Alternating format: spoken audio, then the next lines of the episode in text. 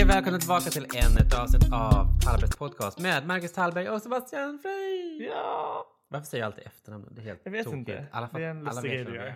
Ja. Hur som helst, det spelar ingen roll, det är mindre viktigt. Idag så har vi sällskap av Kim från Make Equal. Välkommen! Hej! Hej! Berätta för alla som lyssnar, vad är Make Equal? Make Equal är en jämlikhetsstiftelse som arbetar med tre saker. Vi jobbar eh, med utbildning och föreläsningar där vi möter verksamheter i praktiska metoder för jämlikhet. Sen arbetar vi med opinionsbildning på samhällsnivå, alltså vi, vi finns för att förändra. Vi arbetar långsiktigt, metodiskt för att få fart på samhällsförändringarna för ett mer jämlikt samhälle. Sen arbetar vi också metodutvecklande i våra olika projekt där vi testar, utvecklar, implementerar nya metoder för jämlikhet. Alltså vad är det för projekt? Jag är jättenyfiken på vad, vad Det är blir det? ganska många när jag sett er hemsida. Det är ju... Ja, vi har väldigt många olika saker och har ha, gjort väldigt många olika projekt. Just nu så håller vi på med ett projekt som heter Skärpning mot näthat. Näthat, det vet man ju vad det är för någonting. Men vad gör man för att göra det mer jämlikt med näthat? Hur, hur, vad är kopplingen? Mm. De strukturer som begränsar på sa- i samhället finns ju också på nätet. Och projektet Skärpning finns för att eh, vi behöver ta det som händer på nätet på allvar. Och att de strukturer som finns i samhället förstärks på nätet. Och att vi måste jobba med det. Vi måste ta internet på allvar. Ja men verkligen. Alltså det, det vet man ju själv. Eh, Var det dig jag pratade med eller var det med någon annan? Där vi pratade om det här med Skriv vad märkligt så på nätet. Alltså det här med hat och förslag och eh, att man är opassande på nätet. Ja men det är för att man tror man kommer undan lättare tror jag. För att man kan ju dölja sin identitet. Man kan ju ha en fake-profil och sånt. Så att jag tror det är därför folk Men- vågar mer och vara mer. Precis. Leva ut de här konstiga, inte fantasierna, men att bara liksom leva ut dåliga sidorna. Men som du säger, man tror att man kommer undan med det. För att- att internet blir då som en slags mur mellan den personen och mig. Och att man vågar säga mer. Men jag menar det är samma sak, alla har väl, de flesta har väl åtminstone dejtat kanske över nätet. Ja, Eh, just det. Ja, Ja. ja, men med appar och sådana saker. Och där är också sån grej. Det har ingenting med näthat att göra kanske, just det som jag ska prata om. Men, Nej. men där så har jag upptäckt att vissa personer pratar mycket och, och liksom pratar om sig själv. Och sen så när man träffar dem i verkligheten så är de tysta som möss. Alltså att de, där vågar de inte ta samma plats som de gör på Mm. nätet. Och där är det ganska oskyldigt. Tänk då en person som är elak och verbal, vad de kan göra med det här den här plattformen. Men, men berätta då, vad är det du, du vad jag fattar som gör du mer, du jobbar med föreläsningar och sånt? Precis. Jag är utbildningssamordnare och föreläsare. Jag jobbar alltså med den delen av vår verksamhet som möter organisationer, företag, ideella föreningar som vet att de vill jobba jämlikt men inte vet hur. Mm. Och det är där vi stöttar med eh, kartläggning, utbildning. Vad finns det för så små konkreta tips? Det vi rekommenderar verksamheter är att våga kolla hur det ser ut i verksamheten, våga kartlägga, titta på verksamheten och se vilka utmaningar som finns men också vilka styrkor som finns och bygga utifrån det. Mm. Att många som kommer till oss vet att de vill ha stöd, vet att de måste jobba mer med jämlikhet, men vet inte alls hur verksamheten ser ut. Så att det är absolut det första som vi rekommenderar, att kartlägga, våga lyfta på locket liksom. Vad är jämlikt egentligen? Alltså när man tänker Mm. traditionellt så är, känner jag, då tänker man okej jämlikt, då är det att alla har lika mycket värde, att alla får en lika mycket röst. Eller, eller tänker ni mer så här att det är hälften kvinnor, hälften män? Mm. Fast nu är det ju mer, det finns ju mer könsidentiteter än bara man och kvinna. Mm. Vi jobbar med jämlikhet med en definition som att vi vill att alla ska ha lika möjligheter, förutsättningar och skyldigheter i samhället oavsett diskrimineringsgrunderna. Mm. I relation till jämställdhet då som är baserat på kön Mm. så arbetar vi utifrån samtliga diskrimineringsgrunder med jämlikhet. Det tycker jag är ett jättebra perspektiv och viktigt att lyfta fram att det inte är fokuserat på kön utan att det Mm. är som du säger diskrimineringsgrunderna. För där finns det ju så mycket mer. Precis. Och vi jobbar med normer kopplat till samtliga diskrimineringsgrunder. Hur vi kan hitta lösningar som motverkar de begränsande normerna som finns i samhället. För normer i sig är ju inte dåligt. Vi har ju många positiva normer som hjälper oss i sociala situationer. Men det är ju när normerna är begränsande som de inte är positiva. Och de måste vi förändra. Ja men precis, och där man möter okunskap och otolerans i normtänkandet. där det också blir problem. Precis. Vi flyttar fokus från normbrytaren till att tänka normkritiskt och normkreativt kring vad vi vill ha istället. Hur når ni ut? Var kan man hitta er och, och Mm. Ja. så? Vi når ju ut genom att folk faktiskt kontaktar oss. Så ser det ut väldigt mycket nu. Mm. Att verksamheter och företag och offentlig sektor har förstått att ojämlikhet är ett jättestort problem. Och då tänker jag särskilt efter hashtag metoo. Det är många företag som behöver stöd när det kommer till sexuella trakasserier. Och när man börjar kartlägga sexuella trakasserier så hittar vi andra exkluderande normer, jargonger, språk som också diskriminering, ren diskriminering på arbetsplatserna som vi behöver jobba med. Berätta du, hur, hur startade det allting? För nu, känner, nu ser ju, berättar du att den offentliga sektorn och allting, de, de hittar Mm. er. Men hur startade ni? Var kom idén ifrån? Och, Mm. Make Equal grundades 2010 av vår eh, idag ordförande Ida Östensson som eh, var aktiv i skaterörelsen i Umeå. Vi vet, eller det var i alla fall en väldigt mansdominerad del av eh, vad man gör på fritiden. Det var bara killar som skatade. När hon kom till skatelokalen första gången så med skateboarden under armen så fick hon ändå frågan, den första frågan. Vems flickvän är du? Och det är där liksom som eh, hon började sitt arbete och det som idag så vet vi ju att det är inte bara skatekulturen som har problem med att vara mansdominerad eller ha problem att nå underrepresenterade grupper utan det är ju verksamheter i hela samhället som har det och det är därför vi jobbar med dem idag. Jag vet ju också, för vi föreläser ju också på Termes förlag och vi har många föreläsare där vi eh, upptäcker att det är, svårt att slå sig in i den här föreläsningsbranschen och så. Vad är ert största hinder när ni ska nå ut och så, som, i din roll? Alltså just nu när eh, jämställdhet och jämlikhet är på tapeten. Det pratas mycket om samhället kräver mer av eh, våra verksamheter och företag att göra mer inom det området. Så just nu så har vi faktiskt inte så stora problem att nå ut. Vi har ju snarare problem med att vi inte klarar av att ta alla bokningar som Jaha, kommer in till gud oss. vad bra. Vi har ju också funnits i åtta år. Vårt opinionsbildningsarbete påverkar ju, vi syns väldigt mycket. Ja, men det är jättebra för som sagt det är ett extremt viktigt ämne att jobba för. Och att det, det, jag tror att det finns få som vet om, alltså privatpersoner som vet om att det finns den här typen av organisationer som bara jobbar med jämlikhet. Eller? Man tänker att men det, är en jämlik, det är en ombudsman någonstans som jobbar med jämlikhetsfrågor. Men att det finns organisationer. Samarbetar med många andra organisationer också? Ja, just nu samarbetar vi med noll organisationer. Men vi har samarbetat med många organisationer innan. RFSL Ungdom har vi samarbetat med. Vi- Det var också vi som startade rörelsen Fatta för samtycke mot sexuellt våld. De har vi fortfarande samarbete med. Men vi når ju jättemånga företag. Vi har ju samarbete med våra liksom beställare. Men ni har väl något spännande projekt som kommer nu snart framöver, faktiskt på min födelsedag. Åh, fyller du år den 19 mars? Ja, Ja, grattis i förskott. tack, tack. Ja, den 19 mars så släpper vi boken Allt vi inte pratar om, som är en bok för killar och män som vill göra upp med mansnormen och bidra till en samtyckeskultur. För ni vet ju, grejen är att män inte pratar med varandra. Och särskilt inte pratar om saker som är svårt, saker som är känsliga och det är ju en historisk norm, en gammal förlegad begränsande norm. Det är också någonting som påverkar oss idag. Vi vet ju att eh, män och killar mår dåligt. Män och killar är ju överrepresenterade när det kommer till självmord, missbruk, hemlöshet, misshandel och övergrepp. Och den här boken är för att män och killar ska våga prata med varandra. Var kom den, alltså var, var föddes den idén och hur har, hur har ni jobbat kring den här Mm. boken? Idén kring boken föddes genom våra killmiddagar. Det initiativet startades genom eh, de övergrepp på festival som var 2016, kommer ni ihåg? Mm. det? Gud, det var ju överallt man läste om det. Ja. Sjukt. Och särskilt hur debatten flyttades till offret, hur eh, offret ska bete sig. Väldigt stor debatt om det. Och män hade väldigt starka reaktioner på det här, delvis hur fruktansvärt själva övergreppen var, men också, alltså, det var sjukt hur mycket debatt det var kring hur offret ska bete sig och så. I det så sa vår grundare Ida Östensson, det här är ju ingenting som sker i ett vakuum.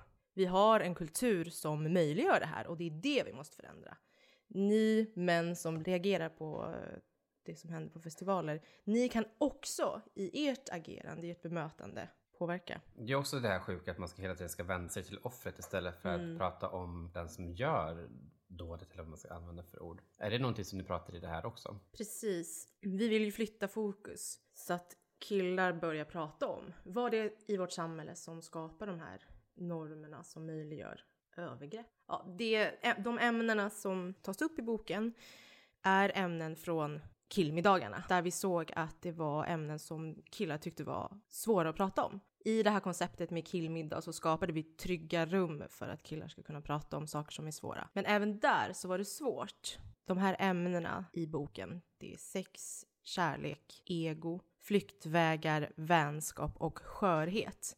De ämnena aktualiserar problemen med mansnormen. Ämnen som män måste konfrontera och börja jobba med. Förändra, hitta nya normer för vad manlighet är. Och våga prata. Precis. Boken släpper den 19 mars, men har, Yes. ni, nå- har ni någon release? Eller Ja. Vad? Ja. Den 23 mars så är det releasefest för boken Allt vi inte pratar om. Ah, coolt. Var, var, när, var, hur? Ja, på Kulturhuset Stadsteatern klockan 17 så ska vi fira att vi släpper boken. Just det. Så Men det, är- det är för alla då, så man kan bara dyka upp. Mm, det är bara att dyka upp. Och hur mycket kostar den då? Boken kostar 54 kronor för privatpersoner och om ni beställer mer än 50 exemplar, till exempel till en verksamhet eller företag, så kostar de 34 kronor styck. Det är ingenting alls. jag Det, säga. det är verkligen ingenting. Prisvärt. Men de här killmiddagarna, jag tänkte, var är de? I vilket sammanhang? Var, Ja. Vilka är det som arrangerar? Det är ni som arrangerar det, men... Det är inte vi som arrangerar det, det är Nej. vi, vi har skrivit samtalsguider och eh, lite så här stöd i ämnen och frågor. Men vem som helst kan anordna en killmiddag. Materialet är gratis, finns på killmiddag.se. Då kan du ladda ner eh, samtalsguider och frågor. Men gud vad coolt! Ja! Det är jättebra! Vi, ty- Eh. vi tycker det och många har haft killmiddag. Vi har haft en killmiddag i riksdagen till exempel. Aha. Aha. Men när de gör det, laddar det gratis, kan de göra de så här hashtag killmiddag make equal? Eller, alltså, hur, hur kommer ni åt de här personerna? Hur vet ni att de görs? Vi vet inte att de görs. Nej. Okej. De inte hör av sig, det är väl det. Alltså jag kan säkert hitta någon så här hashtag och så men eh, alltså grejen är vi vill ju komma ut med det här. Vi vill att killar börjar prata med varandra. Ja. Det spelar ingen roll för oss om de använder vår metod eller någon annan så. länge de gör det. Precis, Det är väl det. exakt. Och så kanske de inte vill vara att alla säger det heller. Men de har i alla fall börjat prata. Absolut. Det är det som är Yes. vitsen med det hela. Ja. Åh, men det är superviktigt tycker jag. Ja. Vi har skrivit guider både för liksom, privatpersoner och prata med sina kompisar, sin släkt. Också lite mer officiella sammanhang, alltså din arbetsplats, kollegornas killmiddag. Som ett stöd, särskilt efter hashtag metoo också. Att man ska kunna prata med sina kollegor om, om saker som är svåra, som skapar en destruktiv mansnorm. Vilka är det som skriver boken? Det är vår ordförande och grundare Ida Östensson och Tor Rutgersson. För det var Tor som hade en sån här killmiddag där han eh, började prata om saker som var svårt privat med sina vänner. Men märkte att även här var det svårt att prata om vissa frågor. Och då så kontaktade han Ida. Så kom de på att de ska skriva en bok som stöd när man pratar med varandra. Vad är det för typ av frågor de får i den här, eh, den där pamfleten? Vad heter det på svenska? De typer av frågor som finns i samtalsguiderna handlar just om att våga prata om saker som man kanske aldrig har pratat om förut. Och det är frågor kopplat till kärlek, vänskap, ego, flyktvägar, skörhet och sex. När många killar pratar om sex då är det mest bara ja, jag gjorde det här och det här. typ. Precis. Vad skönt. Det är inte så här att man kanske liksom pratar om den andra processen hur det var emotionellt. Exakt. Liksom var det verkligen, Var du kär? ja men lite så faktiskt. För det, Vad fanns det för känslor inom dig? men det här är som sagt, det här är viktigt att prata om Det är Marcus. viktigt att- Så det jag- känns som att du skämtar med mig. Nej, det gör jag inte. Jag menar allvar. Och också hur eh, killar och män förväntas vilja ha sex hela tiden och Ja. Jag menar att eh, den normen som finns kring att killar måste vilja vara, sig, vara Mm. sexuellt aktiva hela tiden. Nej, men så är det faktiskt. Det måste man prata om också. Nu ska jag inte nämna några namn. Men. Vi, men, men, nej. När vi pratar om när man är borta från sin familj liksom så här och eh, så har jag en, en person som bara så här, åh när jag kommer hem, det första jag vill göra är att ja, men typ duscha, göra mig rent och sen göra något litet ärende, tvätta kläder till exempel eller någonting sånt där. Men att sen så vill jag älska med min man och jag bara Åh, när jag kommer hem, ja, jag kan pussa min man, jag kan pussa mina hundar och sen så vill jag bara sova. För jag är så trött. Och då börjar man prata om det här, men hur ofta man har, har sex. Och jag blir så trött på alla de här, det är också en sån här norm. För att vara lycklig i ett förhållande så måste man ha sex ett visst antal gånger per vecka. Alltså förstår du? Jag har en annan kompis som, som sa, ja, jag och min pojkvän, vi har bara haft sex två gånger den här månaden. Och då någon annan bara, nej men gud, hur mår ni? Är det, är det, åh vad jobbigt. Och jag bara, men va? Alltså jag vet själv, jag som jobbar hela tiden, jag är inte, förlåt nu Ja. out, outar jag dig. Men, men alltså det, man, det är inte det första man tänker på. Nej. Utan det, är, det finns andra behov som finns i vägen. Och menar, vi är mysigt i alla fall. Vi kan ligga i soffan och myses och pussas och kramas. Men det är just den här sexbiten. Vad är det som är viktigt i ett förhållande? Behöver man ha mycket sex för att förhållandet ska vara bra? Ja men exakt, Mm. och då är det något annat fokus. För, Mm. Eller jag vet inte, det kanske är så att man projicerar känslor i sexakten. Men för mig så handlar det mer om känslobasis, att bli respekterad och Mm. Lyssnad på och få stöd. Och, och, och Men vi har ju också lite andra prioriteringar också i vårt förhållande. Som sagt, det är inte bara sex. Vi har ett företag tillsammans, vi fokuserar på andra saker. Och det är trevligt att ha sex, men det är inte vårt fokus. Nej. vi har en killmiddag Två nunnor här. Ja. Vi har en killmiddag här nu också. Ja, nej, men alltså, kör. det bra. Nej, men det, Ja, det är så här man börjar prata liksom. Exakt. Hashtag killmiddag, hashtag make equal. Mm. Men, men, nej, men det var det som till exempel på, på bröllopet så... Ert bröllop? Ja, Ja. vi gifte oss, Gifta? ja, vi Ja. gifte oss i eh, juli, 29 juli förra Ja, året. bra att du Ja. kunde datumet där. Jag bara, det är bra att du kan det. Eh, vi hade ju en hel helg. Eh, så på fredagen så hade vi middag och så, så men framförallt med familjen, släkten, ja. familjen. Men sen så hade vi några kompisar också som var med under hela helgen. Sen så eftersom vi var på Vaxholm så hade vi en hel ö och så, så det är svårt att komma därifrån. Så vi hade ett bed and breakfast där så att några vänner sov över. Och så på frukosten där på söndagen så var, vi- var det första frågan jag fick. Har ni liksom haft det här första sexet nu som gifta? Och jag bara såhär, alltså efter gårdagen, jag var så jävla trött. Är det inte Ja. det? Det är så här, man bara, åh, Det var ju så mycket känslor också genom hela kvällen också, Man eller dagen. utpumpad. Så man var ju så här, sängen, skönt, nu sover vi. Så, men, för, så att sex är verkligen inte alltid, som du säger, en trevlig liten grej att få så. Men eh, så det är jätteviktigt att man pratar om det och liksom det här med förväntningar i förhållande. För som du säger, är det viktigaste i ett förhållande att man bara har sex eller är det någonting annat man är ute efter? Så att det gäller väl att hitta någon slags balans där tänker jag. Det hade ju inte gått för mig i alla fall att fylla någons sån behov hela tiden. Men, men okej, vad, berätta mer. Har, gör vi gled iväg lite över Nej men, samtalsämnet. vi, nej, men vi, vi hade ju en killmiddag här nu. Vi visade Ja, ju exakt Ja. hur man ska prata om det. Så att, Ja. ja. Men det, det är ju för killar. Gör ni någonting för uh, tjejer också? Eller för de som inte identifierar sig som någonting? Icke-binära. Icke-binära. Ja, anledningen till att vi fokuserar på killar och killars och mäns ansvar. Alla är en del av jämställdhet och jämlikhetskampen eller arbetet. För ja, det är ju tjejer och icke-män som kämpar för ett mer jämlikt och jämställt samhälle historiskt och liksom så som det ser ut. Men vi vill ju få med eh, män och killar i jämställdhetsarbetet. För alla tjänar ju på att vi har ett jämställt samhälle. Patriarkatet drabbar alla. Jo men så är det ju. Men så ni har ingen så här tjejmiddag eller någonting sånt där? Det behövs inte. Det behövs inte. Det behövs inte, nej. Vi Nej. På samma pratar- nivå i alla nej. fall. Tjej, tjejer pratar med varandra ändå. Men efter metoo eh, Mm. så har jag för mig att ni gjorde en grej också. Vi bjöd in över 100 företag till ett event som, där vi liksom hade råd, tips på hur du ska gå vidare nu efter metoo. Det blev fullbokat direkt. Vi var tvungna Mm. att boka nya lokaler för att folk vill verkligen göra grejer, förbättras, utvecklas då. Och det har ju hållit i sig. Företag, verksamheter kontaktar oss eh, fortfarande och vill göra någonting. Ja, det är ju skönt för Mm. normalt brukar det toppa liksom. Sen dagen Precis. efter så försvinner det Mm. igen lika snabbt. Så det Exakt. bra trend som har hänt. Ja, alltså tidigare har det ju också, det har ju hänt, det händer ju grejer i samhället hela tiden som gör att folk plötsligt får upp ögonen för att vi kanske måste göra någonting. Men Mm. efter metoo så har, ser vi faktiskt att det finns potential för riktig förändring. Det tror vi verkligen på. Det tror jag med.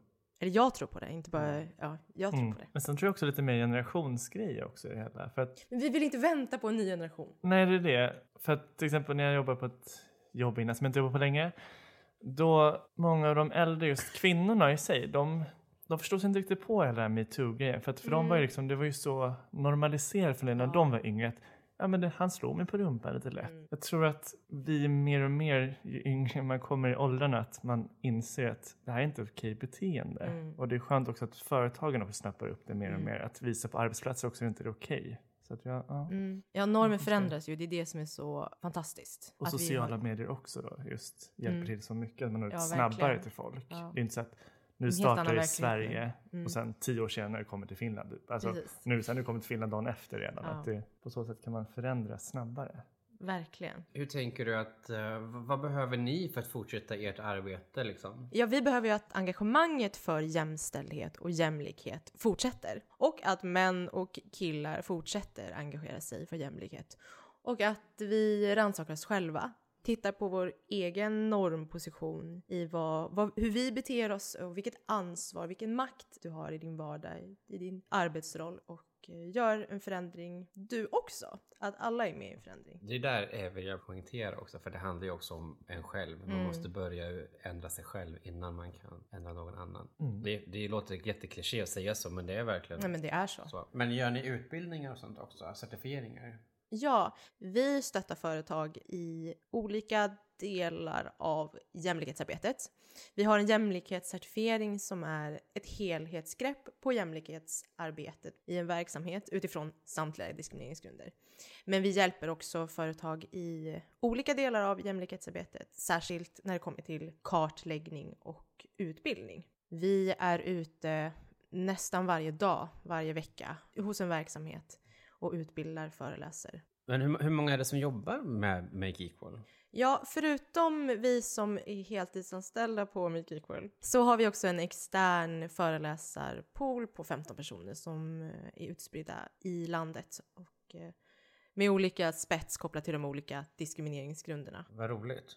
Ja, och vi växer också hela tiden. Berätta, var, var finns ni på sociala medier? Var kan man komma i kontakt med er? Ni kan komma i kontakt med oss på vår hemsida makeequal.se. Om ni vill eh, kolla in killmiddag och ladda ner samtalsguiden till det så finns det på killmiddag.se. Det är Nice. ganska enkelt och tydligt. Ja. Så det är bra. Ja, men det, det är jättebra. Det fortsätt göra ert viktiga arbete. Detsamma. Eh, tack så jättemycket för att du kunde komma hit och prata med oss. Toodaloo!